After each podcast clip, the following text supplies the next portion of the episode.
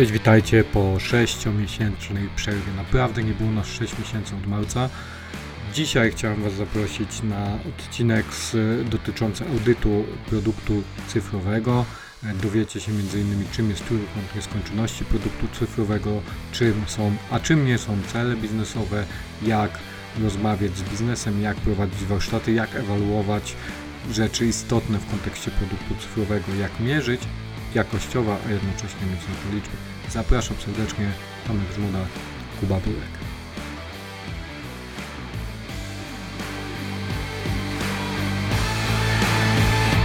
Hej, hej, Digital Science Podcast. Witamy od marca, Kuba. Nie było nas tutaj od marca. No, dawno to. Powiem Ci, tak będzie teraz nieregularnik podcastowy chyba. Nieregularnik? Czemu? Czemu? No, będzie nieregularnie. Nie, znaczy, no, e, plany były, żeby były regularnie, życie jakby troszkę te plany, plany zweryfikowało. Natomiast ja myślę, że e, Będziemy się Jest- starać wracać do starej formuły, no ale zobaczymy jak wyjdzie. jest jesień, e, jest więcej czasu, długie wieczory, być może nam się tematy po, posklejają z powrotem. Natomiast to ja Ci powiem, że wszem i wobec ludzie nawołują, żebyśmy nagrywali. O, miło słyszeć. Taka sytuacja. E, Ludzie w sensie w liczbie mnogiej, nie, ja nie liczyłbym tego w setkach, raczej około 10 osób mi już zgłaszało, także e, zawsze to lepiej niż 5. No pewnie, zawsze to lepiej niż zero, nie? No, oczywiście. Dobra. No to fajnie. E, W każdym razie my wracamy, słuchajcie, wracamy do Was po tej długiej przerwie. Mm, Wracamy do rzeczy, o których będziemy mówić. Mamy troszkę, e, troszkę newsów. E, Mieliśmy nagrywać w ogóle w zeszłym tygodniu, czyli to była e, pierwszy tydzień października, teraz mamy 14, już jest połowa października. Sorry, ale muszę się wyciszyć. O, e, połowa października. E, I mieliśmy rozmawiać w zeszłym tygodniu o Facebooku, ale nie porozmawiamy, bo już chyba odgrzewany kotlet za bardzo, co? Chyba tak, wszyscy już na pewno o tym słyszeli i wiedzą o co chodzi. Znaczy, No i- chodzi o to, że Facebook nie działał i była straszna tragedia na świecie dla niektórych, także no, tak w skrócie.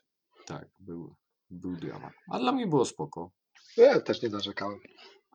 Mnie było spoko. No dobra, e, no to e, mamy, ja nawet, o, to ja Ci mo mogę się pochwalić, że nawet nie mam Facebooka na, e, na telefonie. Na komputerze mam, bo wiadomo, ale na telefonie nie mam. Ja na telefonie chyba też nie mam, tylko Messengera chyba zainstalowanego. Także, e, także my nie jesteśmy Facebookowi, nie jesteśmy też zakładam Instagramowi. Dzióbków do fotek nie umiemy robić. To nie jest nasza domena. Mamy lepszy atrybut, tak myślę. No dobra, no to gramy się nie da pokazać.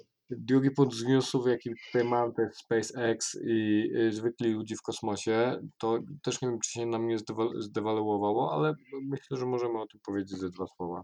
Tak, ja myślę, że to bardzo fajna inicjatywa ze strony Ilona Maska naszego.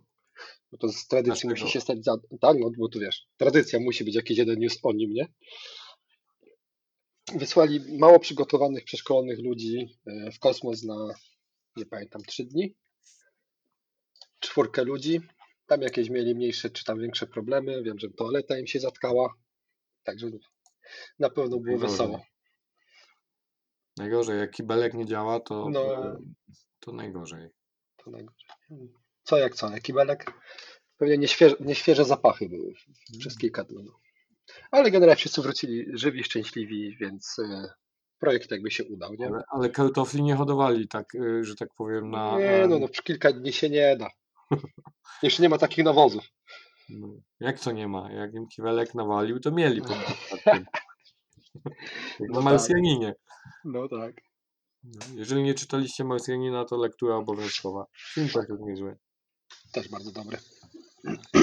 No i trzeci Znaczy wiesz, no, fajnie jest to, że po, pokazali, że się da nie, mało przeszkolonych ludzi, bo to nie jest tak, oni tam przeszli jakieś podstawowe e, szkolenie, ale da się takich ludzi wysłać i przeżyją w kosmosie i wrócą, będą żyli, także to jest spoko, nie? ciekawe czy jeszcze żyją. Podobno tak. Ciekawe, czy to są oni jeszcze. No dobrze. Dobrze, no mamy SpaceX, ale rzeczywiście to jest, y, mm, to jest, y, jak to już się dzieje, y, temat pasażersko i jest popularyzacja, no to już za chwilę e, będzie można powiedzieć, że, że to jest po prostu y, Turystyka kosmiczna, nie? turystyka kosmiczna. No. Niektórzy będą latać na Bali, inni będą latać na orbitę zobaczymy, co się dalej będzie działo. Ty byś poleciał w ogóle? Myślałeś o tym? Ja bym poleciał. Ja też bym chyba poleciał. To musi być niezapomniane przeżycie.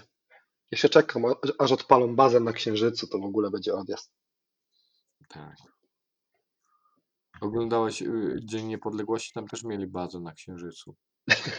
Tą No. nową część. No dwójka. No, Ale już nie była tak dobra niestety. no niestety. Emeryt robi raz lepiej, raz gorzej. Dobra, mm, no to y, kolejny punkt, y, jaki mamy tutaj do pogadania przy newsach, to sezon konferencyjny i to jest y, y, moje chwalipieństwo, bo Tak. jesień, jesień to jest czas, który zawsze powoduje y, u mnie w kalendarzu duże natężenie y, imprez. W zeszłym roku było mobilnie, a w tym roku było stacjonarnie, e, z czego bardzo, bardzo się cieszę, bo byłem między innymi w Rzeszowie na Internet Beta, duża scena e, w Polsce, jeżeli chodzi o branżę. E, Później byłem w Krakowie na Design Ways, też duża scena, bardzo fajne miejsce i troszkę inne audytorium, bo bardziej projektanckie. E, Mhm. No i e, Polishopa e, Bydgoska to taka mała kameralna konferencja i tutaj było online. A. A to powiedz, o czym mówiłeś na tych imprezach, bo to będzie chyba I bardzo powiązane. powinien teraz zapytać, żebym ja nie musiał mówić cały czas. To Kuba się Ej. powinien zapytać, y, a o czym mówiłeś? A co powiedziałem przed chwilą? Tak, powiedziałeś? To mi umknęło. Tak.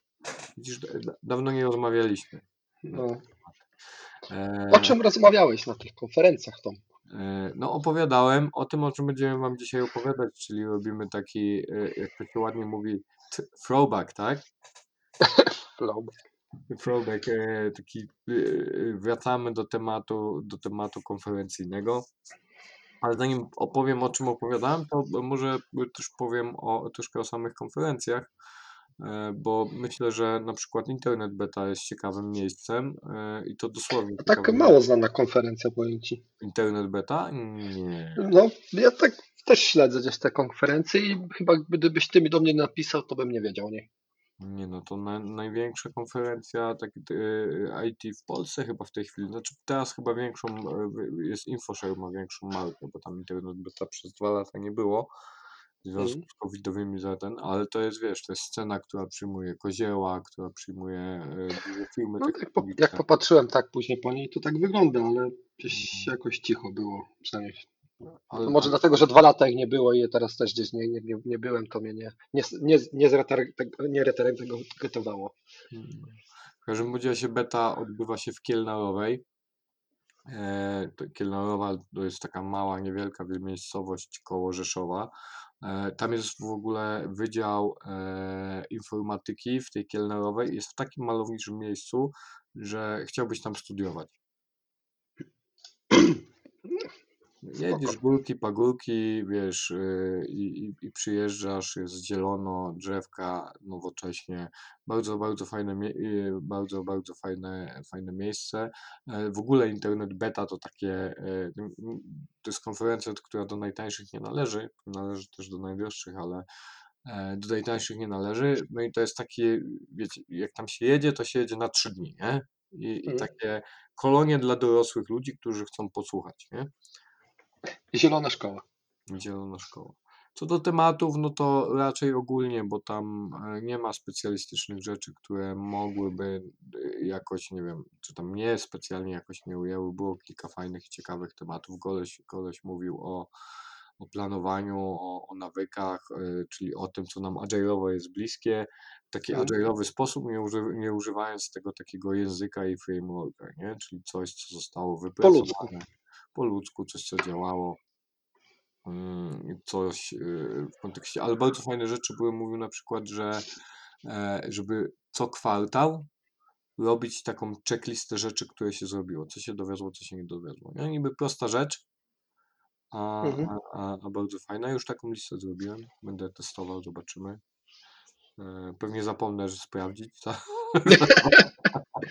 Ale to, to co robisz, listę na bieżąco, czyli dopisujesz co robisz, a później zaznaczasz, że nie dowiozłeś czegoś, czy jak? Tak, tak, tak, tak. Robisz, e, określasz sobie takie, wiesz, e, milestone'y, nie? I, I tak w kontekście pracy, czyli na przykład poprawić komunikację, regularnie odpowiadać na maile, nie? I, I tak dalej, i tak dalej, i tak dalej. No i robisz sobie taki rachunek sumienia co kwartał i, i, no, nie? I on mówi, że on pracuje z klientami i y, ma sytuację, że na przykład dzwoni do jakiegoś tam prezesa czy kogoś i mówi, no to teraz powiedz mi, co z tych punktów, co mi wysłałeś trzy miesiące temu zrealizowałeś i, i goście normalnie um- unikają odpowiedzi. Taka sytuacja. Bo zapracowani prezesi są, jest. No a poza tym był jeden koleś, który mnie straszliwie irytował i nawet bardzo dobrze, e, że nie pamiętam jak on się nazywał, ale facet opowiadał o, e, o tym, jak rozmawiać, jak, jak zmieniać e-commerce i cały czas powoływał się na podcast, nie? Bo w naszym podcaście, jak rozmawiałem w odcinku 747, nie? I jeszcze nie dość, że ten podcast, e, nie dość, że ten podcast, to jeszcze cały czas ja, ja, ja, taka wiesz, e, totalna zajebistość, nie? E, przebijała, taka buta niefajna i e, tam widziałem ludzie. Tak teraz my się że wszyscy to i tak mogą sprawdzić, kto to mówił, nie? No, no być może. Ktoś mówił o e-commerce'ach. Jak sobie poszukacie, znajdziecie, to, to się dowiecie. Taki łysy jegomość w okularach, prezes jakiejś firmy. No strasznie słabo. Zajebistej na pewno. No, no zajebisty. No tam pomaga firmom przy, przy e-commerce'ach, agencjom i tak dalej, nie? No i opowiadał, no i tam e, z tymi e-commerce'ami to też takie komunały, no ale to też jakby e, biorę poprawkę na to, że e, jakby sp- specjalista trochę inaczej będzie oceniał rzeczy ogólne, czy tam wypowiadane ogólnie w kontekście tego, co się dzieje, nie? Ja natomiast mówiłem o audycie w trójkącie nieskończoności produktu cyfrowego, to Wyjaśnij. No, tak. chodzi o audyt, który się odbywa e, w kontekście produktu cyfrowego i jeżeli chcemy wiedzieć, jak nasz produkt działa i czy działa dobrze, e, no należy, należy to sprawdzić, należy się dowiedzieć tego, dlaczego coś nie działa. I przychodzi klient na przykład do takich projektantów jak my i mówi, panie Tomaszu, panie Jakubie, zrób pan audyt. A my mówimy do niego, a panie, a cele biznesowe masz? A dla kogo ten audyt, a po co i tak dalej, i tak dalej. Jakie pan masz klientów? e, jakim pan, jaki, jakich pan masz klientów, ale to o samym chyba audycie, samym pro- procesie, samym pojęciu w ogóle i tej nomenklaturze, którą tam mamy przyjętą, to, po, to pogadamy za chwilę. E, Drugą konfer- konferencją było Design Ways. I Design Ways w Krakowie, no to jest fajna kon- konferencja, ale to jest konferencja, która skupia skupia projektantów. Tam będą filmy na, na, na YouTubie, można kupić dostęp do platformy, z tego co kojarzę, można mnie tam posłuchać. Chociaż jak poczekacie, to pewnie będzie za darmo na YouTube. Nie wiem, czy jest warto wydawać tam 200 zł, czy ileś, żeby. E, no ty. Wyceniaj się, no warto jest. No, nie no. Warto mnie posłuchać, ale warto też poczekać, tak jak wiesz, tak jak wspomniałem w kinie, warto czasami poczekać na pewne pozycje, A jakby zresztą, zwłaszcza o dużo rzeczach dzisiaj też powiemy, no nie oszukujmy. No, no to, to, to jest jakby inna sprawa. To jest inna sprawa. E, No i e, Design Ways e, to jest no tutaj całkiem inne audytorium. Tam było audytorium ogólne, takie nazwijmy to biznesowe na becie. E, Natomiast no Design Way mnóstwo, mnóstwo projektantów e, i, no i też trochę biznesu, ale takiego bliżej, e, nazwijmy to, naszej branży takiej cyfrowej, nie? No i tam ta prezentacja była bardzo dobrze przyjęta, jeszcze, jeszcze cieplej niż, niż w Rzeszowie. Dużo dobrych słów usłyszałem o tym. E, I, i, i- co? I No i z ciekawostek jest to, że na przykład e, jak się zapytałem ze sceny, czy ktoś słyszał o Impact Mapie, którą będziemy dzisiaj szybciutko rozmawiać o której wspominaliśmy już chyba kilkakrotnie w naszych programach, nie? Chyba tak. E, No to Na pewno raz. na pewno raz. No, to, to tam z kolei nikt nie podniósł ręki. Nie? Ogólnie Excel tak, e, persona tak, archetyp użytkownika tak, ale jak przychodzi do impact mapy, to, to raczej nikt. Ja myślałem, że to totalnie taki element też, nie? Ale też muszę się pochwalić, zaplanowałem e, pięć śmieszków, takich, gdzie, e, gdzie e, publika ma się zaśmiać. Miałem kilka śmiesznych gifów. No i na Design Waves siadło mi 100%, 5 na 5. Na becie siadło mi 3 razy, 3 na 5. E, Co, co prawda żarty były takie e, niezbyt cringe'ujące, bo najgorzej jest jak e, po żarcie robisz puentę na e, śm- uśmiechy, a tych uśmiechów nie ma. Bywa i tak. Mm. Widzisz, Jeszcze jedna fajna rzecz była na becie, mianowicie e, Kamil Kozieł e, miał spotkanie z prelegentami i tam opowiadał, jak przygotować się do prezentacji. Tam mnie dużo naprowadził w kontekście, bo ja już miał gotową oczywiście prezentację, to mnie dużo naprowadził, co tam trzeba zmienić, poprawić. Z, O, no to fajnie taki. no, to było, to było, to było zacne, nie? Zawsze, zawsze taki specjalista, który ci powie od publicznych wystąpień, który ci wskaże jeszcze pal, palcem na konkretnym materiale, to w każdym Nie, razie oczywiście. Polecam Kamila. Z Kamilem e, bardzo fajny kontakt e, roboczo.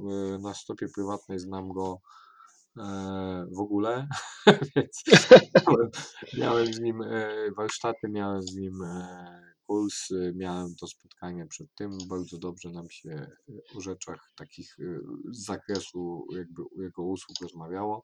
Nic poza tym. Warto, warto słuchać, warto oglądać i, i, i z czystym sumieniem mogę polecić bo to jest taka metodologia do tworzenia prezentacji, jaką ja lubię, taka mocno narzędziowa, wiesz, że mo, mo, możesz sobie rozpisać, podać karteczki, pozarządzać tym i tak dalej, i tak dalej.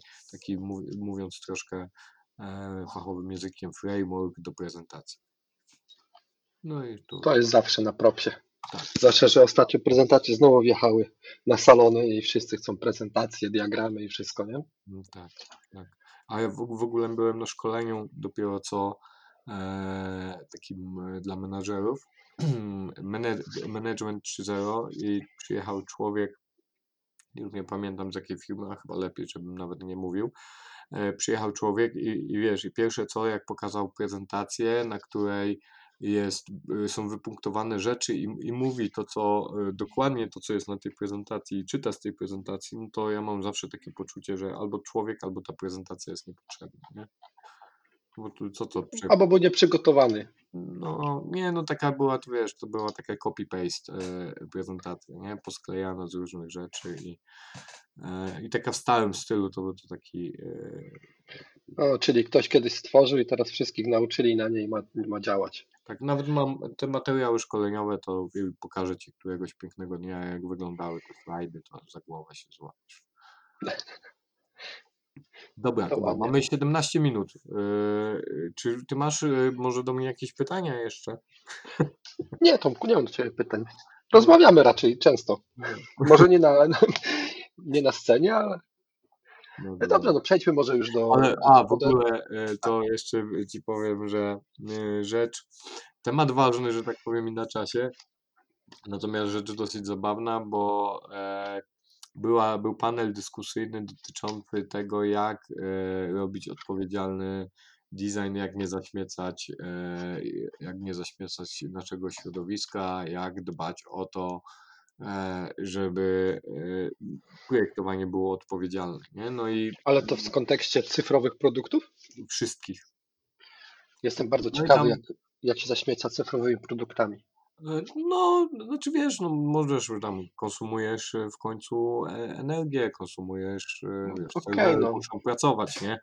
I, No ja rozumiem, tylko chciałbym wiedzieć, jak to zmienić. mm, no, nie wiem, nie, nie W każdym bądź razie e, zmierzam do tego, że, że tam była taka sytuacja, że mm, był e, głównym gościem zaproszonym i jednocześnie chyba sponsorem, bo tu były, było logo, był Tefal.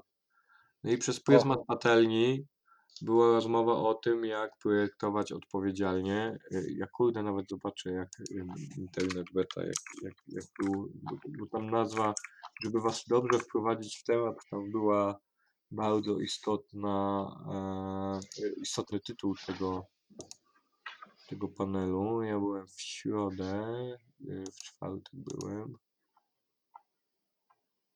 Środa, czwartek. Referat specjalny wykorzystanie twórca Instagram, troska boska, jak budować relacje z innymi. Trzeba na giełdzie, co łączy. Wiesz, tam w ogóle na becie to tak y, z pompą, nie? Bo to doktorzy, profesorowie, lektorzy i tak dalej. O tak dalej. kurde, śmietanka przyjechała. No, także Ale powiem Ci, ja tu mam mieszane uczucie, jak już słyszę, że doktorzy, profesorzy, to nie do końca jestem przekonany. Wolę jak, jednak praktyków i ludzi, którzy sami doszli. chodziło, chodziło o zrównoważony rozwój. A? No, i, no i dosyć to było zabawne, jak e, panowie Stefala, nomen omen, e, bardzo mądrze się wypowiadający, nie? Ale taka, e, nazwijmy to, ironia troszeczkę, jak człowiek, ludzie Stefala opowiadali, że e, dbają o zrównoważony rozwój w marketingu i biznesie poprzez to, że patelnie mają długą, dłu, dłu- dłużej można ich używać, nie? mhm. Coś w tym jest, nie? No ale zakładam, że Znaczy to teraz tą stronę też elektro, elektronika idzie, nie? Tam w ogóle cały ruch No. y, w Ameryce, że fair repair, tak? Czy Tak, tak, tak, tak, tak. Nie? No i to i Unia Europejska też ma, ale to wiesz, to jednak tutaj jakby sprzęt elektroniczny, który jest codziennością, jest, że tak powiem, plagą, nazwijmy to. A powiedz, że patelnia nie jest codziennością. No jest codziennością, no ale cholera rozmawiać o zrównoważonym biznesie i Nie, no oczywiście, rozwoju sobie. w kontekście tego, że patelni możesz używać o dwa lata dłużej na come on, nie? No. Come on, nie? Ale goście, wiesz, to, to jakbym nie, chci, nie chciałbym e, nie chciałbym tutaj de, dewaluować e, e, gości, bo tam był pan e, e, Radek Matuszewski bodajże nazywał się ten, ten człowiek, który gdzieś tam do, z Francji e, dosyć wysoko w strukturach Tefala był. No i, i, i, fajnie się tego słuchało i dobrze się tego słuchało, natomiast wiesz, przez pryzmat patelni, no jednak jak to... e, Zwłaszcza na takiej konferencji technolo- technologicznej mocno, nie? no, Jak to, jak to Bałtyroczko mówi, że to nie jest specjalna sytuacja. Dobra, Dużo dobrze. rzeczy było, wiesz, związanych chyba było z, z dwie albo trzy prelekcje, na których byłem, były związane gdzieś tam luźno, średnio i pośrednio z LinkedInem, nie? E, Z automatami, o tym jak oszukiwać LinkedIna, żeby wy- wysyłać zaproszenia i kontakty oszukiwać oczywiście w cudzysłowie, czyli wykorzystywać że tak Tak. no dużo, dużo było takich rzeczy y, socialowych, no dlatego ta konferencja była e, e, całkiem inna, nie? W takim moim Jasne. odczuciu, nie? No ale w ogóle to jeszcze jedna rzecz, miałem e, w środę była impreza, ja miałem w czwartek prelekcję o 10 pierwszą, przesuwaliśmy z Łukaszem Bisem, z organizatorem na 10.45, no bo Czyli dobra impreza była. ludzi nie było. No impreza była dobra. Jak pojechałem tam e, zobaczyć, co się dzieje, no to żeby dopchać się do baru, to było, to było daleko od noszy. No.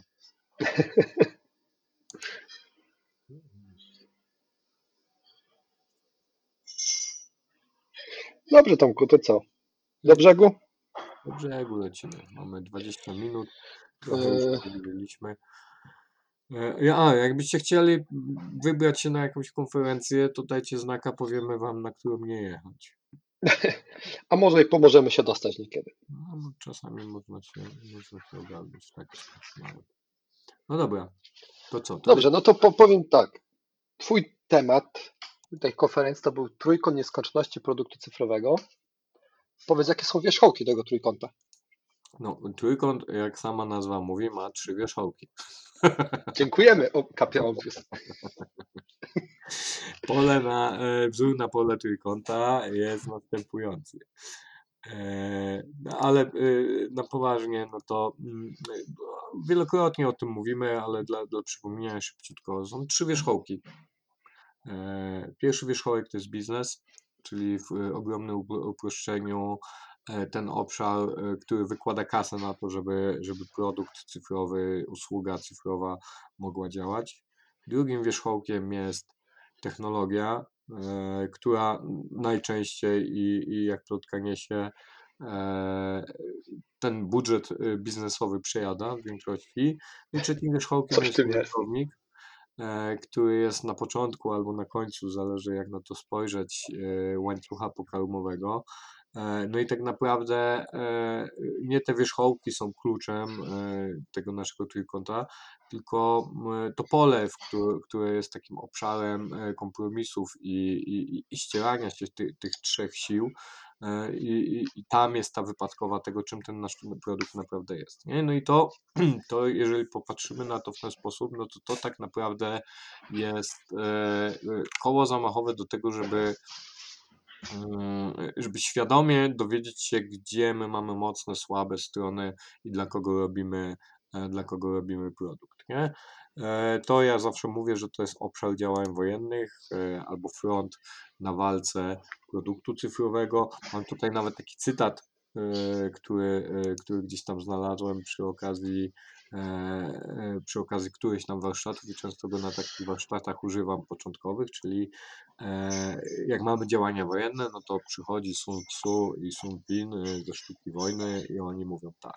Poznawanie innych i poznanie siebie to zwycięstwo bez ryzyka. Poznanie otoczenia i poznanie sytuacji to zwycięstwo całkowite. Taka sytuacja. No i, to jest, wiesz, no, mocne, a jakie, a jakie normalne, nie? E, No i to jest, i to jest, wiesz, takie, e, to oczywiście, jak, jak to jak mawiają e, mędrcy, cytat dobrze zacytowany w odpowiednim momencie znajdzie się u każdego, więc podejrzewam, że jakbyśmy przeszli przez limeryki Andrzeja Dudy, też byśmy znaleźli jakieś konkretne Oczywiście. które moglibyśmy zastosować e, w naszym kontekście. No dla kontry mogę powiedzieć, że na przykład Tzu mówi e, też w, swojej książce, że e, często możesz wygrać przez zaskoczenie, nie poznając wroga, po prostu zaskakując go. To jest oczywiście wolne tłumaczenie, bo tego cytatu akurat nie mam, bo i po co. E, No ale nie zawsze, e, nie zawsze to działa, nie? E, I w taki sposób, a powiem więcej, że w kontekście jakby budowania produktów cyfrowych, jeżeli chcesz działać no, przez zaskoczenie, to naj, naj, najczęściej tym z, zaskoczenia padasz na pośladki i boli cię później, że tak powiem. Wiesz, najlepiej się działa z zaskoczenia, jak dobrze znasz wroga, bo wiesz, jak go zaskoczysz. Otóż, otóż to, nie? Znaczy, Historia jest pełna różnych bitew y, i, i konfrontacji, które z zaskoczenia e, jednorazowo zadziałały, nie? No ale co, co jak to powinno działać y, stale, no to to jest jakby domena publiczna potwierdza nam, że nie róbmy rzeczy z zaskoczenia, bo niekoniecznie, niekoniecznie to pan działa. No i teraz sobie Kurde, a, nasz, a nasi politycy mnie co prawie codziennie zaskakują i jakoś im idzie. Oni, oni mają talent i, i to niezależnie od opcji to politycznej. Tak, dlatego nie, nie mówię o konkretnym rządzie, tylko ogólnie o polityce. No, no to jest, to jest pytanie, czy, y, czy, czy to jest domena polska, czy to gdzieś tam szerzej się dzieje? Pewnie szerzej, no ale Nie, nie, nie, może nie wtrącajmy polityki. nie No dobrze, no to już wiemy, czym jest ten nasz kochany trójkąt. Y, To może jak się za to zabrać tak w ogóle opowiedz, bo to wiesz, no jakiś początek musi mieć, jak się zabrać za ten trójkąt, nie? No i y, to jest tak. mm, y, Jeżeli masz ten trójkąt, oczywiście musisz uświadomić ludzi, że my się w tym trójkącie e, poruszamy, że ten trójkąt jest e, jakby trochę galopującą zmianą, widzimisiami, nie wiem, e, czy prezesa, czy, czy zespołu produktowego. No i często też jest tak, że gdzieś ta perspektywa użytkownika albo temat skalowania technologii jest no, zaniedbany. Nie? No i w pewnym momencie ktoś się budzi z ręką w nocniku i dzwoni do, e, do nas i mówi: e, Szanowny panie, zrób pan Nie audit. działa. Nie działa. Zrób pan audit. Czy się klika, czy się czyta, czy jeszcze rozumiemy to, rozumie użytkownik to, to, co czyta. No i na samym końcu, dlaczego nie ma kasy. Mhm. No to jak taki audyt zrobić? Tak pokrótce, nie? No bo tych audytów w różnych Pokrótce. sferach to pewnie może być dużo, a Pokrótce się nie da. pokrótce się nie da. No to może jak i po co od razu tłumacz? Po co robić takie rzeczy? Pokrótce to ja mogę o tym opowiedzieć, natomiast pokrótce się nie da. E, A, bo no to jest- pokrótce opowiedz, a nie róbmy audytu teraz. Dobra, dobra. Możemy zaudytować jakąś aplikację, na przykład y, EPUE. Mogłoby być to ciekawe doświadczenie. Nie wiem, czy byśmy przeżyli ten, y, ten proceder. No, Dobra, więc ktoś by y, się do nas dobrał na pewno. tak, więc robimy audyt. No i y, my mamy taką metodę y, narzędziową, y, jako że każdy decydent, każdy lubi liczby, no to my, żeby przedstawiać audyt w formie referencji, które nie są y, wyssane z palca, oczywiście one są y, wypracowane i, i to jest audyt ekspercki, no ale my zakładamy, że jeżeli damy współczynnik jakości produktu, wyliczymy w jakiś sposób współczynnik jakości produktu w danych procesach, no to ten audyt przez naszego decydenta, który nam zleca, będzie lepiej zrozumiany i dzięki temu będzie mógł sprawdzić sobie, e, w których miejscach ma najwięcej niedogodności. No i mm, żeby to zrobić, musimy mieć solidne fundamenty. Musimy wylać y, podłogę betonową, nie wiem, wkopać ten fundament, może najpierw wylać No właśnie. wylać podłogę, e, e, wycyklinować ją pewnie. Musimy mieć taki parkiet, na którym jesteśmy w stanie stanąć, e, nie, nie przewracając się po chwilę, stanąć solidnie. E, No i e, po pierwsze, co musimy zrobić? Są takie ogólne zasady, które nam definiują pewne, e, pewne rzeczy. Po pierwsze, musimy nauczyć naszego klienta lub powiedzieć mu, że my pracujemy warsztatowo. Nie wymieniamy się informacjami na mailach, nie wysyłamy sobie audytu mailowego. Dzisiaj e, Tak. omen miałem. Warto zaznaczyć, że jak się tak pracuje, tak jak właśnie Tomek mówi, to zawsze wszystko działa wtedy. Tak, Jak się dostaje maila, jak wysyła się maila z pytaniem, co nie działa, to się dostaje maila z odpowiedzią, że wszystko działa, wszystko jest ok i nic nie trzeba naprawić. nie no, ogólnie jest zajebiście, a użytkownik nie jest gotowy na to, żeby, e, żeby Tak. korzystać. Wyprzedziliśmy y, ten świat. To jest innowacja. To tak jak w Apple'u. Apple, Apple, y, tylko Apple ostatnio robi innowacje takie, które już są gdzie indziej, więc y, a i tak nie działają. No dobra, y, wycieczki tutaj y, osobiste zostawmy, więc y, jakby pierwszym założeniem jest to, że musimy namówić naszego klienta do tego, żeby pracować warsztatowo. Czy to będzie stacjonarnie, czy, czy online, no to po, po covid to, to właściwie nie ma znaczenia. E, Po drugie, e, mm, często jest takie poczucie podczas robienia warsztatów, jest taka grupa e, trzymająca władzę albo e, grupa e, typowych oportunistów, że jak zapraszasz ludzi na warsztaty, to oni siedzą. Pamiętasz, byliśmy tam u Ciebie kiedyś w Katowicach w tej firmie. Mhm. Jest grupa takich oportunistów, którzy twierdzą, że kurde, to jest strata czasu, ja bym odpisał na 200 maili w tym czasie, y, odebrał Ale 7 to wiesz, ja to zawsze mówię, że to ryba psuje się od głowy. No. Tak zostali Ale- nauczeni i tak wychowani w firmie. Ale i tak i nie, no oni wiesz, y, oni jako specjaliści są sfokusowani na tym, żeby, żeby wykonywać swoje zadania i też trzeba przyjąć to jakby na klatę, że mogą być sfrustrowani. No i y, jakby warsztat i zajęcia powinny być na tyle interesujące i na tyle, e, na, tak, na tyle dobrze zaprojektowane, żeby ich zainteresować. I w wielu, wielu przypadkach naprawdę to się dzieje, nie? Tym bardziej, że jest presja Mm. grupy, to jest takie podejście socjologiczne, jest presja grupy, jedni chcą pracować, inni e, te grupy się miesza, no i, i jakby idzie to do przodu. Więc e, jakby tutaj musicie mieć w sobie taką pewność, że na pewno nie, nie tracicie czasu. No i proces ten audytowy, który będziemy szybciutko omawiać, musi być transparentny. I to jest, wiecie, klucz do tego, żeby ktokolwiek, ja myślę, chyba tak na, na samym początku jeszcze podjął z wami współpracę, nie? Tak, no to jest też to, że potrzeba ekspertów z każdego działu w firmie i to jest takie burzenie silosów, bo chyba to w każdym odcinku o tym powtarzamy, że warto to robić i trzeba to robić, jak się chce mieć nowoczesną i działającą firmę. Tak, no tutaj mi tylko chodzi też o to, żeby by pokazać, ok, słuchajcie, my potrzebujemy ekspertów takich, takich, takich, dzięki temu to zadziała. Po pierwszych warsztatach będziemy mieli to, to i to, po drugich będziemy mieli to, to i to.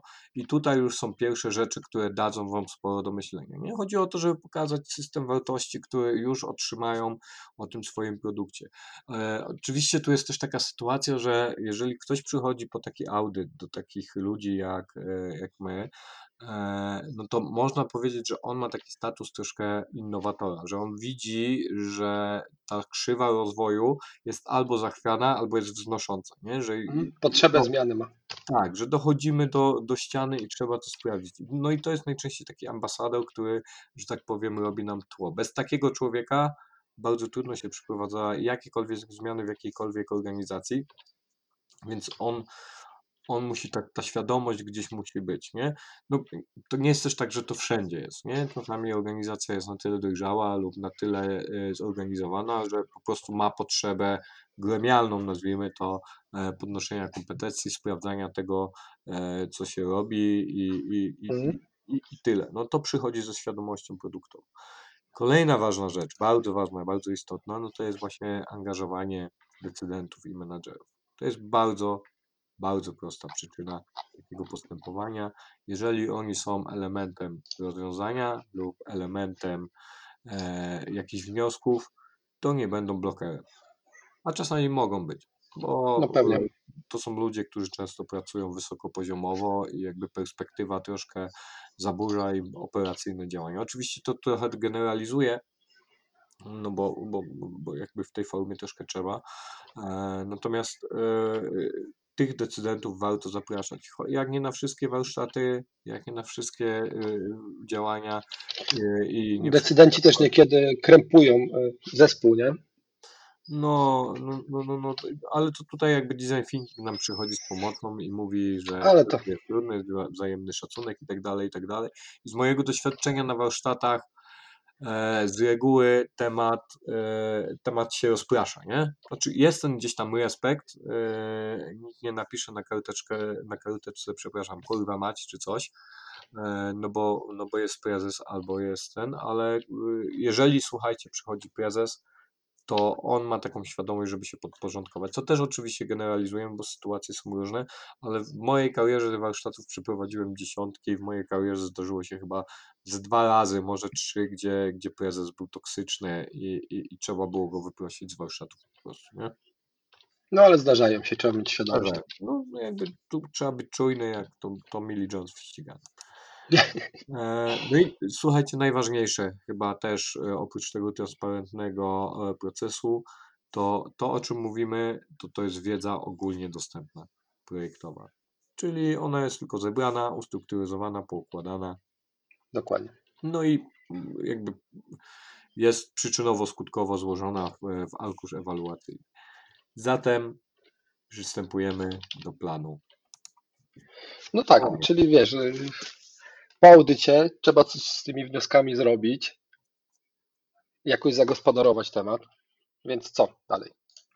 No, musimy mieć plan działania takiego audytu, nie? Więc y, tych etapów jest kilka. Po pierwsze, musimy mieć sprecyzowany archetyp użytkownika, po drugie, cel biznesowy, po trzecie, tworzymy impact mapę, y, Mhm. po czwarte, y, do impa- impact mapa generuje nam historyjki użytkownika, no i po piąte, otrzymujemy na podstawie tych historyjek użytkownika e, arkusz ewaluacyjny, w którym mamy odpowiednie ścieżki zmapowane, gdzie otrzymujemy hitmapę, co działa, co nie działa i w jakim kontekście. E, można jeszcze czasami wykorzystać takie rzeczy typu mapowanie procesu, mapowanie słabych punktów w procesach i zbudować propozycję wartości, jeżeli tego w organizacji nie ma. I to jest taki ogólny, e, ogólny szkic tego, jak to się powinno robić. No i idąc od początku, mamy archetyp użytkownika, czyli musimy sobie odpowiedzieć i ustalić, kto jest naszym użytkownikiem, Tak. nie? E, Profil lub typ klienta to jest taki, nie? tak, no, a może być aktor w systemie, e, czyli Archetyp użytkownika, żebyśmy mieli jasność, to jest buyer persona, o której też wspominamy często dość. tak, Tak chciałem ustrukturyzować tą wiedzę, żeby było wiesz. Tak, tak, tak. No, y, Buyer persona, y, buyer persona, co ważne, to też o tym mówimy, no, y, ma duże wsparcie warstwy danych, nie? Tam trzeba bardzo mocno patrzeć na dane, jak ona się kształtuje, jak Tak. zmienia, jakie są, jakie są rutyny. No, to może być też, y, słuchajcie, aktor w systemie po prostu, nie? Mamy różne role systemowe.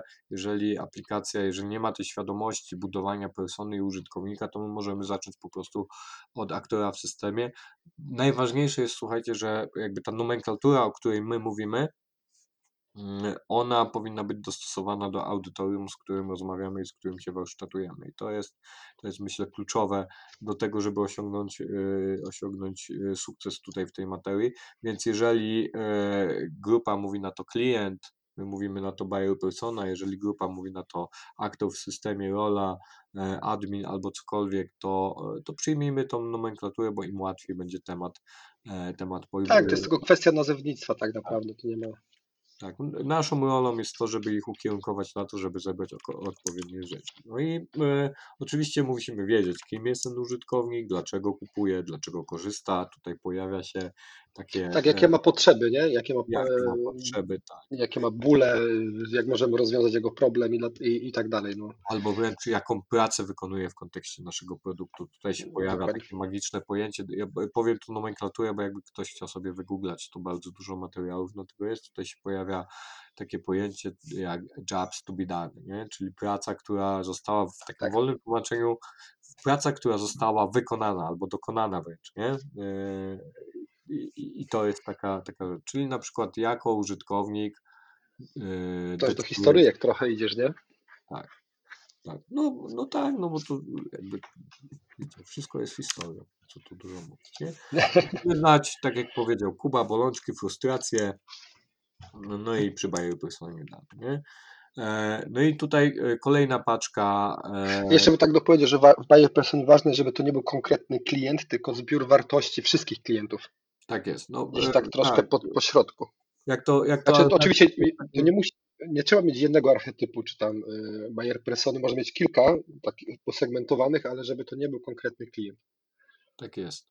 Dokładnie o to chodzi. Znaczy, e, archetyp, jak sama nazwa wskazuje, to jest, to, to, to jest grupa cech, która buduje takie, nazwijmy to pojęcie kohortowe użytkownika, nie? że to jest e, pewna grupa, która zachowuje się w podobny sposób i w podobny sposób konsumuje usługi, treści, cokolwiek. Nie? Oczywiście. No dobra, Lepiej no i mamy, mamy kol- kol- kolejną, mam dla Was, ja się oczywiście, słuchajcie tutaj, y, protip dla osób, które nagrywają podcast, mam prezentację, z której korzystam. Więc, więc lecimy, żeby była wiedza ustrukturyzowana. Lecimy. Ja myślę, że nie widzę, nie, nie widzę większego problemu, żeby tą e, prezentację później gdzieś tam udostępnić w linku. Trzeba będzie ją tylko troszkę podkolorować, w takim sensie, że dopowiedzieć kilka, e, kilkoma akapita, akapitami treści. E, Może na Majro by można było zrobić, tak zrobiliśmy Można, tak. już chyba z dwoma czy z trzema rzeczami. To fajnie działało. dobry, myślę, że to jest dobry pomysł, żeby to zrobić w taki sposób. E, No i kolejne tipy. Te tipy są, są ważne. Czyli e, bezwzględnie, słuchajcie, powinniśmy korzystać z wiedzy w organizacji, z dostępnych danych i robić badania. Ja wiem, że badania w polskich firmach to są badania partyzanckie, to jest- są komandosi researchu, którzy chodzą i opowiadają różne historie, nawijają. Albo kończą się na desk research. Idę do kolegi z, Tak. z tego spytacie, czy jest spoko. No nie no, badacz taki jak przychodzi, to on jest, wiesz, on jest choćby niczym ninja, się porusza w internecie, kombinuje, wiesz, wyciąga pieniądze, makaron na uszy, nawija komu trzeba i robi partyzanckie badania. I się to, znaczy, e, prawda też jest takie, że mam takie czasy, że korzystając z ankiet i z krótkich rozmów, nie wiem, w social mediach, możemy naprawdę bardzo dużo się dowiedzieć. Nie, oczywiście wiadomo, i to jest bezwzględne, no jeżeli macie chwilę badawczego i budżet na to, no to róbmy z badania zgodnie z metodyką, ale co do zasady le, lepsze badania jakiekolwiek niż żadne. E, Co do wiedzy w organizacji, No akurat nie zgodził mi się, że lepsze niż żadne, bo mogą być błędne i można podejmować złe decyzje na podstawie źle zrobionych badań. nie no, jeżeli masz specjalistę, no to on będzie, Jeśli masz specjalista, ale wiemy, jak to odbywa się często w Polsce.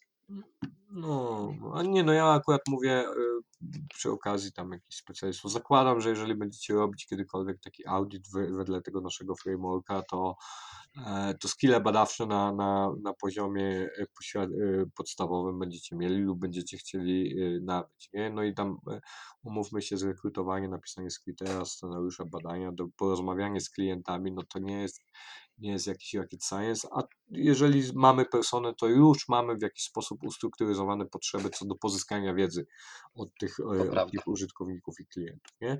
No i y, taką, taką chciałbym kropkę, gwiazdkę dać tutaj na koniec tego tipa, że wiedza w organizacji jest zawsze. Tak? Tylko w silosach często. Często jest w silosach, bo ludzie zasadniczo e, w większości ogromnej starają się dobrze wykonywać swoją pracę, w związku czego, z czym, no i ludzie też są leniwi, w związku z czym e, ułatwiają sobie, e, że tak powiem, e, tak jak mogą, budują procesy, pewne schematy, działania itd., itd., itd. Trzeba to po prostu od nich wyciągnąć. Dokładnie tak. Ok, co następne? Mamy już e, archetyp. O, cele biznesowe. Cele biznesowe.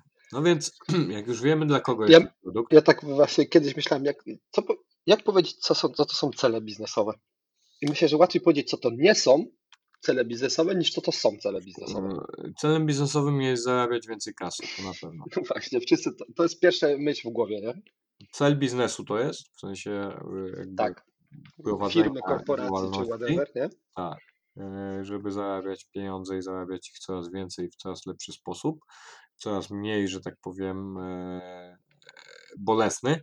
Natomiast celem biznesowym nie jest zarabianie pieniędzy, dlatego to jest taki trudny obszar, jeżeli, jeżeli jakby no, ta nomenklatura nie występuje w organizacji, to jest zawsze trudny obszar do tego, żeby go przeprocesować. No bo Mm. to zmusza do ogromnej refleksji. I to na refleksji na poziomie e, jakby takiego organicznego, e, organicznej znajomości tego, co my robimy, po co robimy i dlaczego to robimy, nie? Mówię organicznej, bo, bo, bo to jest spięte z Takie pod, podstawowymi- podstawy podstaw się zaczynają tak, tak, to jest spięte z takimi, wiesz, podstawowymi emocjami funkcjonowania Mhm. No więc y, ten cel biznesowy zawsze, ale to zawsze był, powinien być w, oparciu, zbudowany w oparciu o y, archetyp y, użytkownika i powinien egzekwować wartości organizacji. Te wartości organizacji mają różne. Archetyp użytkownika jest, to już mamy dwie solidne kotwice, co do, której, co do którego możemy się, e, się odnieść. I tak na przykład przechodząc na taką, e, no żeby powiedzieć przez przykład, nie mówić tylko teoretycznie, no to wyobraź sobie archetyp e, użytkownika gracz. Taki gracz, który e, e, no, potrzebuje kupić komputer, bo wyszła nowa gra, cyberpunk, czy tam A jak jest konsolowym graczem? No to, to, to whatever. Chcę kupić nową konsolę, chcę kupić PlayStation 5, które jest niedostępne. No, przeważnie, przeważnie jest tak, że kupują to, co już znają, nie? No, ale no powiedzmy, że jest graczem takim, który, który potrzebuje wiedzy eksperckiej. Czyli to powiedzmy jest takim e, seniorem 30, plus, No tak, jest takim seniorem 30, że plus, który, seniorzy. tak, który ma kasę na to, żeby e, kupić konsolę, kupić komputer, whatever, ma kasę na gry, nie bardzo ma czas i nie bardzo ma czas, żeby zdobywać o tym wiedzę, nie? Więc Mhm. nie taki hardkorowy gracz, tylko powiedzmy sobie gracz ekspercki. I w przypadku gracza, który jest naszym archetypem i ma określone potrzeby, i te potrzeby będą się skupiały na pewnych rutynach, czyli taką rutyną przy, przy buyer personie gracza może być, wychodzi nowa pozycja, którą się e, gracz bardzo interesuje, więc on potrzebuje lepszy sprzęt, który udźwignie tą grę, która jest bardzo wymagająca, nie? Nie wiem, czy to jasne, co powiedziałem. Znaczy, on musi chyba mieć taką potrzebę, że chce od, uruchomić tą grę w najlepszej możliwej jakości, jaką się, jakiej się da, nie? Otóż to, no i wiadomo, tam karty graficzne y, mają e, różne chipsety, procesory i tak dalej. Z konsolą jest troszkę łatwiej, no ale też wybór nie jest łatwy, czy brać y, nowej generacji konsole, czy wersję pro starej generacji i tak dalej, i tak dalej. Też jest zasobność portfela istotna. No i wyobraźcie sobie taki archetyp e, takiego e, Stefana, no i e, Stefan potrzebuje wiedzy eksperckiej. A my w wartościach jako organizacja mówimy, że chcemy jak najlepiej pomagać użytkownikowi w dokonywaniu zakupów. Więc cel biznesowy, już lecąc parabolą e, do tego miejsca, powinien brzmieć tak. Wsparcie gracza wiedzą ekspercką podczas zakupu. Mhm. I to jest konkretny cel biznesowy, którym, na którym możesz zakupić wszystko. Nie? I mamy archetyp gracza, wartość eksperckość, nie? czyli ułatwiamy wiedzą ekspercką, naszymi specjalistami rozwiązywanie problemów i y, zapewnienie takiego reason to believe, czyli powodu do uwierzenia w to, że nasza marka, nasz sklep, nasz produkt jest właści- właściwy, tym właściwym, w którym ja chcę skonwertować i zostawić kasę. Więc y, mówiłem mu, słuchaj, my jako eksperci e, gwarantujemy Ci, że to będzie dla Ciebie najlepszy sprzęt. Nie? Mhm. Można nam zaufać. Można nam zaufać. Nie? No to, to są takie, wiecie, na, na poziomie takim, e, na poziomie takim operacyjnym, no to, to jest, to, to jakby mówimy jasnym językiem, nie? Ekspertkość, ja jako gracz chcę coś kupić, e, no i temat, e, temat jest, temat jest super, nie? No i to jest ten magiczny czas, gdzie przechodzimy do impact mapy. Tak. Impact mapa. To jest to, co mówiłeś, że ludzie nie wiedzą, co to jest. Tak jest.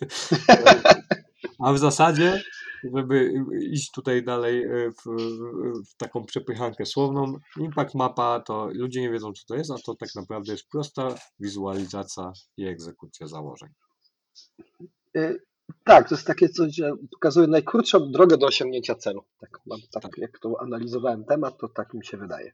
Tak jest. No oczywiście ją trzeba zmapować, wypracować i tak dalej, i tak dalej. No i teraz sobie Tak, ale to też jest takie proste narzędzie w sumie, nie? Bo tam nie trzeba wymyślać koła na nowo, nie trzeba kupować drogich rzeczy, żeby Tak. taką impact mapę zrobić, tylko można siąść i ją po prostu zrobić tak naprawdę, jak się Tak, na, największym wyzwaniem impact mapy jest to, że musisz mieć solidny wkład, nie? Czyli musisz wiedzieć, y, kto jest twoim użytkownikiem Mhm. e, i jakie masz cele, żeby dla tego użytkownika, jaką on ma. Tak naprawdę, jak chcesz prowadzić dobrze biznes, to i tak musisz to mieć, i tak musisz to mieć.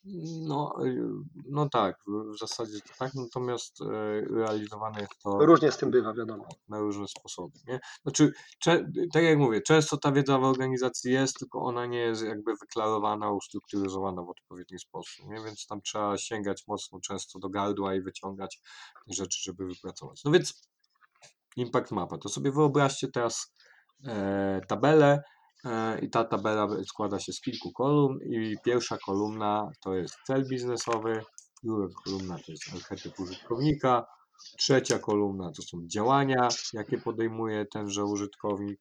Czwarta kolumna, czyli praca, jaką wykonuje, czyli to jest troszkę e, parafraza tego, będzie parafraza tego jobs to be done, czyli pracą, które wykonuje.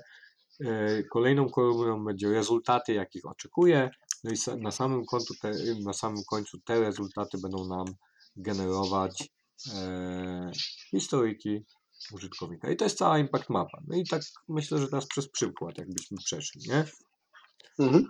Mamy wsparcie gracza wiedzą ekspertów. To jest nasz e, podczas zakupu. To jest nasz cel biznesowy. Archetypem wiadomo jest Stefan Gracz. E, działania, jakie on podejmuje, czy tam może podejmować w naszym sklepie, w naszym produkcie, to są, to są, są dwa działania dla tego celu biznesowego i dla tego archetypu, czyli zadaje pytanie ekspertowi odnośnie komponentów graficznych, czyli nie zna się na grafice, nie wie jakie są chipsety, nie wiem czy, nie wie czy dysk SSD jest niezbędny, czy, czy jest niepotrzebny, albo jak już ma taką wiedzę, trochę szerszą, może skorzystać zaawansowanego konfiguratora. I tutaj jest ważna sytuacja. Zauważcie, że e, ten archetyp, mimo że jest jeden, on może mieć troszkę różny poziom wiedzy. Może mieć, Oczywiście. i może mieć troszkę inny poziom, e, troszkę inny poziom e, modus operandi, ale jakby łączą go te wartości bolączki, jakie on napotyka, nie? Czyli to jeszcze raz nam pokazuje tutaj, że, e, że ta persona się, się, się zbija w taki, w taki klocek, który jesteśmy w stanie zastosować do tej szerszej kohorty, nie? No i dobra, no i mamy, mamy te działania, no i rezultaty, jakie ten gracz otrzymuje, no to przy pierwszym podejściu, przy zadawaniu pytania ekspertowy, on oczekuje rezultatu, że otrzyma odnośnik do najlepszego dla siebie zestawu lub najlepszego rozwiązania dla graczy. Nie? E, No w przypadku, e, w przypadku e, konfiguratora, czyli czegoś interfejsowego, co użytkownik wyklikuje, no on sobie składa optymalny sprzętowo i cenowo zestaw. No i to jest największa pułapka tego rezultatu, no bo e, jeżeli mówimy, że jesteśmy ekspertami, to ten konfigurator do wyklikiwania powinien być inteligentny i nie powinien nam pozwolić na przykład na to, żeby złożyć e, procesor i7 z, e, z płytą główną, która nie będzie działać z tym procesorem. Nie? Więc tutaj ta eksperckość jest raczej taka pasywna, natomiast y, kluczowa w kontekście konsumpcji tego, tego, tego konfiguratora. Mhm. Ktoś może wiedzieć, co chce, ale nie jest do końca pewny, czy to będzie mu działać. No, na przykład, nie? I jakieś podpowiastki i tak dalej, i tak dalej, i tak dalej, nie? Przede wszystkim z mojego, e, jeżeli chodzi o tego typu konfiguratory, to przede wszystkim e, najgorsze, co się może zdarzyć, to pozwolić złożyć coś źle. Nie? Czyli no, coś, co przyjdzie i nie będzie działało, nie? Albo na przykład zasilacz nie będzie się mieścił w PC. No, tragedia by była. Mam, mamy takie historie, może na szkole się że kable wystawały i coś, nie mieściły się, bo, bo coś tam sobie poskładał. E, Czy ktoś nie uwzględnił wymiarów obudowy w konfiguratorze? wiesz, no, ale nie był w stanie uwzględnić, bo gdybyś chciał mierzyć obudowę, zasilacz, wszystko, no to jest, wiesz, z punktu widzenia użytkownika siedzącego przed monitorem, to jest nierealne, żeby on w taki sposób przestrzenny sobie to myślał, nie? Znaczy, chodzi mi po stronie sklepu, raczej po stronie tego, który tak, tworzy no. konfigurator. Błąd konfiguratora był taki, że pozwalał włożyć za dużo kabli, na przykład do za małego, do za małej obudowy, nie? No i tyle, Mhm. nie? No i spoko. mamy te rezultaty, no i jak już mamy te rezultaty, to potem możemy lecieć do historyjek użytkownika. I historyjki użytkownika to jest, słuchajcie, zajebista sytuacja. Ty wiesz, Kuba, czym są historyjki. Tak, sposobem zapisu wymagań klienta. Tak. y, A jednocześnie są e, To jest pochodem, y, to jest po- pochodne z tego, co kojarzę, przypadków użycia, nie? Tak jest. No to dokładnie z tego się wywodzi. Nie? To są przypadki użycia, no i, i sposób zapisania jakby wymagań Tylko tak klienta. właśnie bardziej po ludzku zapisane to jest niż. Tak. Za, za, ja za chwilkę zacytuję. Bardzo ważne w historykach jest to, że to jest narzędzie, które jest super używalne. Lubią to na przykład testerzy, lubią to projektanci. My na przykład jak projektujemy w Morele rozwiązania, to e, taki feature zawsze jest opisany historykami użytkownika, żeby tester wiedział o co chodzi. Bo to jest najbardziej, słuchajcie, generyczny opis konsumowania danego procesu czy danego, danej funkcjonalności przez użytkownika, a jednocześnie jedna historyka wy, wymusza na testerze, na osobie, która sprawdza, różne sposoby użycia danej historii. Nie? Bo, bo jakby z punktu A do punktu B można przejść na różne sposoby. Na historyjkę użytkownika jest nawet wzór, jak ją zapisać, nie? No tak, jest. Dlatego to jest fajne, bo jest powtarzalne.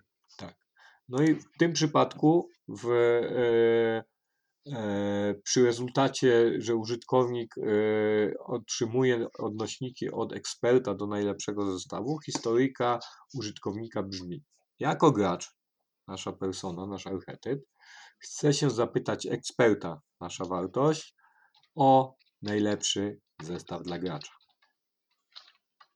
Bardzo proste.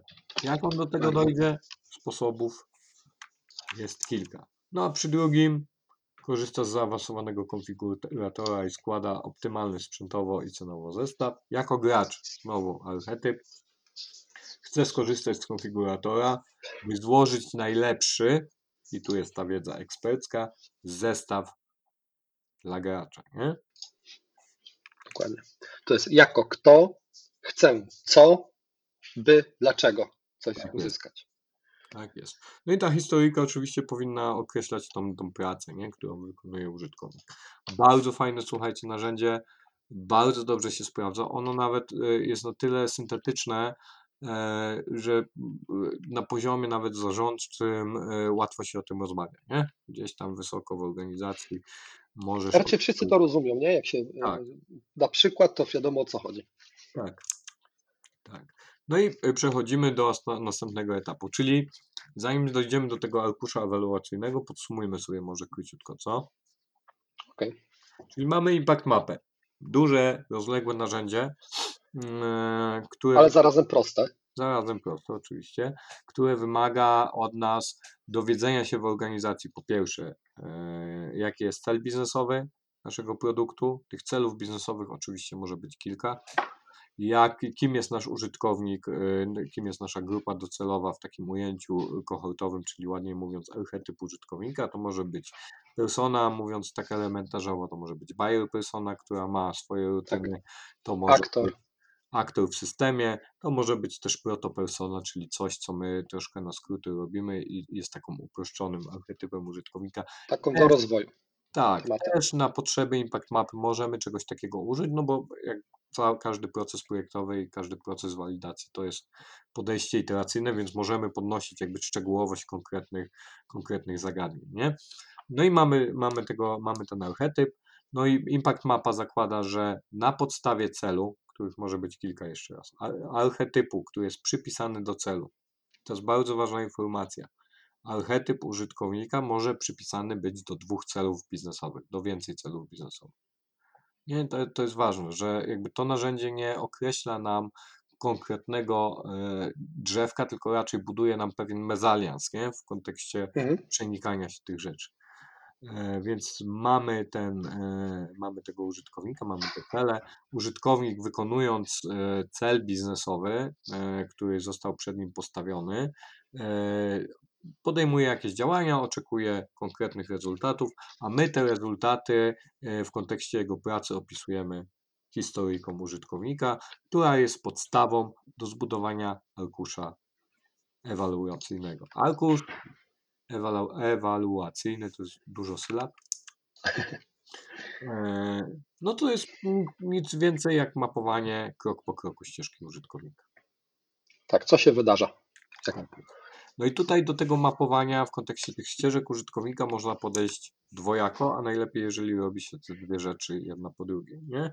Czyli takim najbardziej e, logicznym podejściem jest zrobienie badań użyteczności. Czyli znowu mamy tam, tego ninja badacza, komandosa e, internetu e, i social mediów porusza, poruszającego się w tych wszystkich niuansach, próbującego dowiedzieć się, kim jest mój użytkownik i, i, i dlaczego on w taki, a nie inny sposób e, konsumuje. No i on zaprasza takich użytkowników, którzy odpowiadają naszemu archetypowi e, użytkownika na badanie użyteczności. No i zadaniem dla tego użytkownika jest właśnie ta historyjka, czyli jesteś graczem, spróbuj e, kupić, jaka to jest ta historyjka? Jesteś graczem, e, zapytaj Zadaję pytanie eksperta. tak, ekspertowi o najlepszy zestaw dla gracza, no i kup ten komputer, nie? czy tam to urządzenie. No i użytkownik podejmuje badania użyteczności, przychodzi przez te ścieżki, opowiada o tym, my notujemy, jest wszystko pięknie, oceniamy każdy krok, jest elegancko, nie? Natomiast możemy też zrobić tak, że przechodzimy samodzielnie te ścieżki, które nam się wyprodukują. Ja zaraz powiem dlaczego. E, tak powinniśmy od tego zacząć. E, I to jest tak zwany audyt ekspercki, nie? czyli niejako przechodzimy na podstawie wiedzy, którą e, wypracowaliśmy podczas tychże warsztatów, podczas impact mapy. Empatyzujemy się z tymi naszymi celami biznesowymi itd., itd. Robimy audyt ekspercki i znajdujemy najbardziej wadliwe procesy i później możemy je pogłębić badaniami, żeby wiedzieć, Mhm. jak poprawić. Nie? I to Co nie działa. Tak, co nie działa. I to podejście w mojej opinii jest, e, jest najlepsze. Oczywiście e, tych historyjek może być wygenerowanych w kontekście całego systemu, jeżeli on jest obszerny, całego produktu, mnóstwo, nie? Więc tę pracę też wiadomo trzeba podzielić na etapy albo znaleźć kluczowe elementy, które mają wpływ na przykład na konwersję, czy e, z którymi jest najwięcej problemów i tak dalej, i tak dalej, i tak dalej. No, e, W każdym trzeba myśleć nad tym, co się robi. Jest Generalnie w pracy powinno się myśleć, No, no, powinno się się. Tutaj, tutaj praca jakby projektanta e, generalnie polega na myśleniu e, i tutaj mogę się pokusić o dygresję, jak kiedyś usłyszałem, dlaczego ty nie siedzisz przy biurze, przy biurku, przy komputerze w którejś tam firmie, a e, na co ja odpowiedziałem, że moja praca polega na myśleniu i ja bardzo dobrze myślę, nie wiem, e, łapiąc się po lewym pośladku w, w toalecie, nie? Jest tak Komputer ci generalnie nie jest do tego potrzebny. nie, nie, no rozwiązywanie y, y, problemu można rozwiązywać na różne sposoby. Oczywiście jakby charakterystyka pracy jest taka, że później trzeba to przelać na jakiś dokument cyfrowy i, i, i, i- Mhm. o tym opowiadać. Natomiast Natomiast taki, taki jest charakter, nie? W każdym razie, no, te dwie rzeczy powinny się bardzo mocno uzupełniać. E, Oczywiście możemy podjąć takie ryzyko, że nie będziemy się pytać naszych użytkowników. E, Możemy skorzystać z narzędzia typu Maze. Jest takie narzędzie, które e, pozwala na zdalne badania użyteczności. Tam ocena każdego kroku będziemy polegać na miernikach twardych KPI-ach narzędzia. Też da to się zrobić, nie? Ale naj- z, moje, z Pewnie. mojego doświadczenia najlepszy mezalians, najlepsza, e, najlepszy duet to jest najpierw ekspercki, znalezienie problematycznych rzeczy i później znalezienie rozwiązania w badaniach użyteczności. I to zawsze najlepiej działa. Pewnie. No dobra. No i Czyli co, przechodzimy. jak już mamy arkusz ewaluacyjny, to już jest koniec naszej pracy, czy jeszcze Nie. coś może się wydarzyć? No, e, arkusz e, ewaluacyjny musimy stworzyć, nie? Jak to na. Jak Nie, tak, ja już mówię, jak już stworzyliśmy, przeszliśmy to wszystko, są cyferki, można pokazać wynik. No nie, no to e, najpierw musimy przyjąć skalę ocen, bo to jest bardzo istotna rzecz. No bo jak robimy arkusz ewaluacyjny, to musimy pokazać, dlaczego rzecz A w ścieżce e, 001 jest lepiej wykonana niż rzecz B. Nie? No i do tego są e, odpowiednie metryki. Ja mam taki zestaw czterech współczynników, które, e, które nam mówią, dlaczego w tym arkuszu one się powinny znaleźć. Pierwszy to jest współczynnik 0.0 albo 0.0. Ja używam e, metryk amerykańskich, bo jest kropka w środku, e, która oznacza, że jeżeli użytkownik jest na, na, na konkretnym kro- kroku, no to i otrzymuje ode mnie ekspercko lub e, od użytkownika w trakcie badania użyteczności współczynnik 0.0, no to ponowna analiza jest niezbędna te, tego kroku w tej ścieżce użytkownika, no i tam konieczna będzie zmiana, nie? E, i Ja to zaznaczam za, z reguły kolorem czerwonym, jako że nie widzicie prezentacji, to będę mówił o kolorach, bo one są istotne na samym końcu. Nie? E, Drugim krokiem jest 0.25, e, no i to jest taki współczynnik, który ja określam, że nie jest blokerem, czyli proces tutaj jest drożny, ścieżka, użytkownik jest w stanie wykonać swoją pracę, ale wymaga zmian, czyli najprościej rzecz Tak. ujmując, możemy Nie jest, nie jest najintuicyjniej na świecie. tak, możemy zrobić to po prostu lepiej. Trzecim e, krokiem jest 0.5, ten krok 0.25 miał być kolory, to jest krok pomarańczowy albo żółty. E, 0.5 to jest krok niebieski i to jest takie zachowanie statusu quo, czyli spełnia wymagania, można tą funkcjonalność rozwijać, ale generalnie też nie jest blokerem, nie jest też super jakąś wartością. Takie elementy w systemie też są potrzebne, a rzekłbym, że więcej jest wskazanych takich elementów, które po prostu są i dobrze działają. Nie? E, no i, i to jest kolor niebieski, a kolorem zielo, kolor zielony jest e, zarezerwowany dla współczynnika 0.75 i 1.0, czyli naj, na, na, najwyższy współczynnik i to jest kolor zielony i to jest potencjalny wzorzec do eskalowania. I tutaj może się to tyczyć zarówno komunikacji, jak i procesu, rozwiązania interfejsu, komponentu, języku, języka interfejsu w procesie, wszystkiego, co działa super, co jest dobre, intuicyjne, co powoduje, że ten. No i jeżeli zakładamy taką hitmapę, która nam się składa z tych obszarów, to przy ujęciu w całym tym arkuszu, jakbyśmy sobie wyobrazili ten arkusz ewaluacyjny, e, przy ujęciu takim e, szerszym, jasno widać, bardzo jasno widać, w, którym mamy, w których miejscach mamy hotspoty zielone, jak one się kształtują, które części procesów są lepsze, które części procesów wymagają totalnego poprawienia. Taka hitmapa. I to jak zobaczycie na Majo, jak wrzucimy link do tego, e, do tego, tego, to wygląda super intuicyjnie, bo od razu możemy złapać tu przy tej ścieżce, pochylmy się nad tym i tak dalej, i tak dalej, nie? No upraszcza sprawę. Bardzo to upraszcza. Bardzo to dobrze działa. Nie? Dokładnie. No to co? I to jest właściwie, jeżeli chodzi wszystko. Pora chyba na podsumowanie. Tak. To co?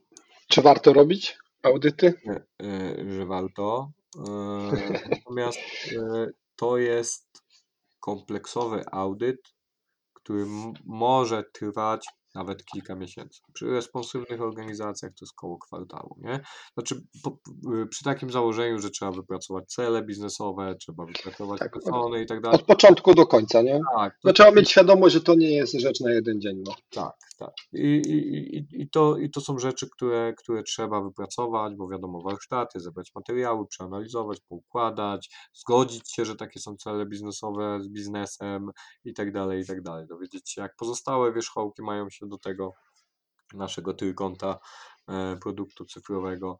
No i trzeba to po prostu wypracować. Nie? No i to przy responsywnych organizacjach, czyli takie, które są na przykład w fazie wzrostu, już kiedyś o tym mówiliśmy, czyli takie, Mhm. które czują potrzebę zmian i chcą tą zmia- te zmiany wprowadzić, chcą się przenieść na, na wyższy level, no to to jest, e, to oczywiście zależy od wielkości i tak dalej, i tak dalej, ale to jest około kwartału, nie? Trzeba liczyć, nie? Czyli to nie są na pewno tanie rzeczy, takie audyt kompleksowe, ale możemy stosować to na wyrywki. No bo jak założymy sobie, że mamy transparentny proces, który składa się z jakichś etapów, każdy etap będzie nam dostarczał jakąś tam wartość, nie? No i na przykład na etapie wi- y, ustalania e, archetypu użytkownika i celu biznesowego możemy już dostarczyć wartość, powiedzieć, żeby organizacja się zastępo, y, organizacja się w jakiś sposób e, z tym Zmieniała. poznała i, i, i, zmieniała się w tym kierunku. Mhm. Jeżeli mamy cele biznesowe, jeżeli mamy propozycje wartości, mamy procesy, etc., etc., to korzystamy z danych, robimy tylko warsztaty kontrolne, żeby e, wiedzę usystematyzować, nie? E, Więc można, można na wyrywki, możemy od razu wskoczyć w impact mapą, nie? jeżeli są odpowiednie dane. Bo- O, i, to, I też się dzieje to, co zawsze mówimy, burzy się silosy. Tak, I to zawsze działa. To, to już pomaga samo w firmie, jak już ludzie wiedzą, co drugi dział robi i jak można mu pomóc, albo on może nam pomóc, nie? tak, dokładnie. Uświadamianie biznesu i ludzi powoduje, że później się chodzi po organizacji i zbija się piątki, nie? Bo to e, naprawdę wyburzamy silosy. Ludzie zaczynają rozumieć, że problemy w produkcie, które oni mają w swoim dziale, to nie są problemy odosobnione. I jedni z tymi problemami radzą sobie lepiej, drudzy gorzej, a wspólnie możemy. Albo, że, albo co najlepsze, to nie jest wina tych, wiesz, przed nami, nie? Tak jest. Że oni to zepsuli, tak? A teraz nam się obrywa. Tak jest. No i e, taką puentą, która już tutaj padła, ale ona powinna być powtórzona, ta wiedza w organizacji, słuchajcie, jest zawsze. Zawsze. Nie ma, nie ma bata, żeby tam nikt nie wiedział, co robi, nie? Nie, Nie ma no. takiej opcji. Nie działałoby. No. Dobrze, no i to jest, i to jest, słuchajcie, audyt. Zmieściliśmy się, Kuba, w, w 40 minut. Myślę, że zajebisty temat, e, że, że nam tyle wyszło. E, Zmieściliśmy się w 40 minut e, samego audytu. Ja myślę, że warto jeszcze powiedzieć, że ten audyt za chwilę e, będziemy mieli dostępny w formie e, kursu, nie? No myślę, że fajnie powiedzieć o tym, że, że pracujemy nad taką rzeczą, żebyście mogli tak s- self-audit zrobić, chociaż po, po części. I my może w tym będziemy mogli pomóc właśnie dzięki temu kursowi. K- tak z, z wartości, które te- ten audyt może otrzymać, e, czy, czy korzystając z takiego kursu, e, główną wartością jest to, że będziecie mieli gotowy narzędziownik, nie? czyli to, e, czego z reguły na kursach brakuje. Uczą Was różnych zabiegów, uczą Was jak robić rzeczy, no i na samym końcu musicie wszystko odtwarzać. My celujemy w takie podejście, że to będzie narzędziowo bardzo dobrze opracowane i, i, i będziemy prowadzić Was e, za rękę. Myślę, że kurs kiedy? E, na początku roku, nie? To jest taki czas, Myślę, że tak, najszybciej. żeby Znaczy jesień. najszybciej, no ce- celujemy na po, w początek roku, no. Miejmy nadzieję, że nam się nie pokrzyżują plany. Tak, jesteśmy e, w rozmowach z kilkoma graczami, który, którzy pomogą, czy mogą nam pomóc wydać ten kurs. E, W najgorszym wypadku to będzie self-publishing, więc e, ta, ta, ta, ten nowy rok może się nam troszkę wtedy przesunąć, a w najlepszym trafimy gdzieś w fajne Pod miejsce. skrzydła doświadczonych ludzi i będzie nam Tak. łatwiej. tak, którzy nam pomogą uproduktowić ten temat. Nie? No i myślę, że, e, że warto śledzić tutaj. Ja myślę, że w ogóle warto by było, Kuba, e, teraz mi wpadło do głowy, e, uruchomić jakiego, jakąś stronę, może zapisy, może e, to Milo, gdzie, no nie wiem, no, mo- można by coś pomyśleć. Skoro już o tym mówimy, no to, to troszkę się obligujemy i bierzemy odpowiedzialność za to, tak myślę, nie? Tak. Coś, coś damy wam szansę się gdzieś zapisać szybciej. Tak jest. No i jeżeli o mnie chodzi, to wszystko. Jak dla mnie też. To co, dziękujemy bardzo. Miejmy nadzieję, że się dobrze słuchało. I zapraszam na następny odcinek. Tak, Miejmy mam nadzieję, że szybciej niż za pół roku. Tak, to ja już mogę zaspoilerować, że gościem naszym e, w następnym odcinku, jeszcze nie wiemy w jakiej to będzie formie, czy to będzie live, czy to po prostu będzie audycja, którą będziecie mogli sobie odsłuchać, może obejrzeć na YouTubie, e, będzie e, Joanna Ostafin, to jest CEO, CEO chyba, dyrektor Project People, to jest agencja projektowa, oni się specjalizują w lean designie, dostarczają linowo rozwiązania. E, Asia jest też współorganizatorką i, i współpomysłodawczynią, jak to się ładnie mówi, co-founderką e, Design Ways, więc na pewno tematy konferencyjne będą też poruszane. My będziemy z Asią rozmawiać o tym, jak budować innowacje, jak sobie organizacje radzą w tym, żeby podnosić e, taką przedsiębiorczość innowacyjną w, w organizacjach. Myślę, że ciekawie. Na pewno będzie fajnie. Zapraszamy. Cześć. Cześć.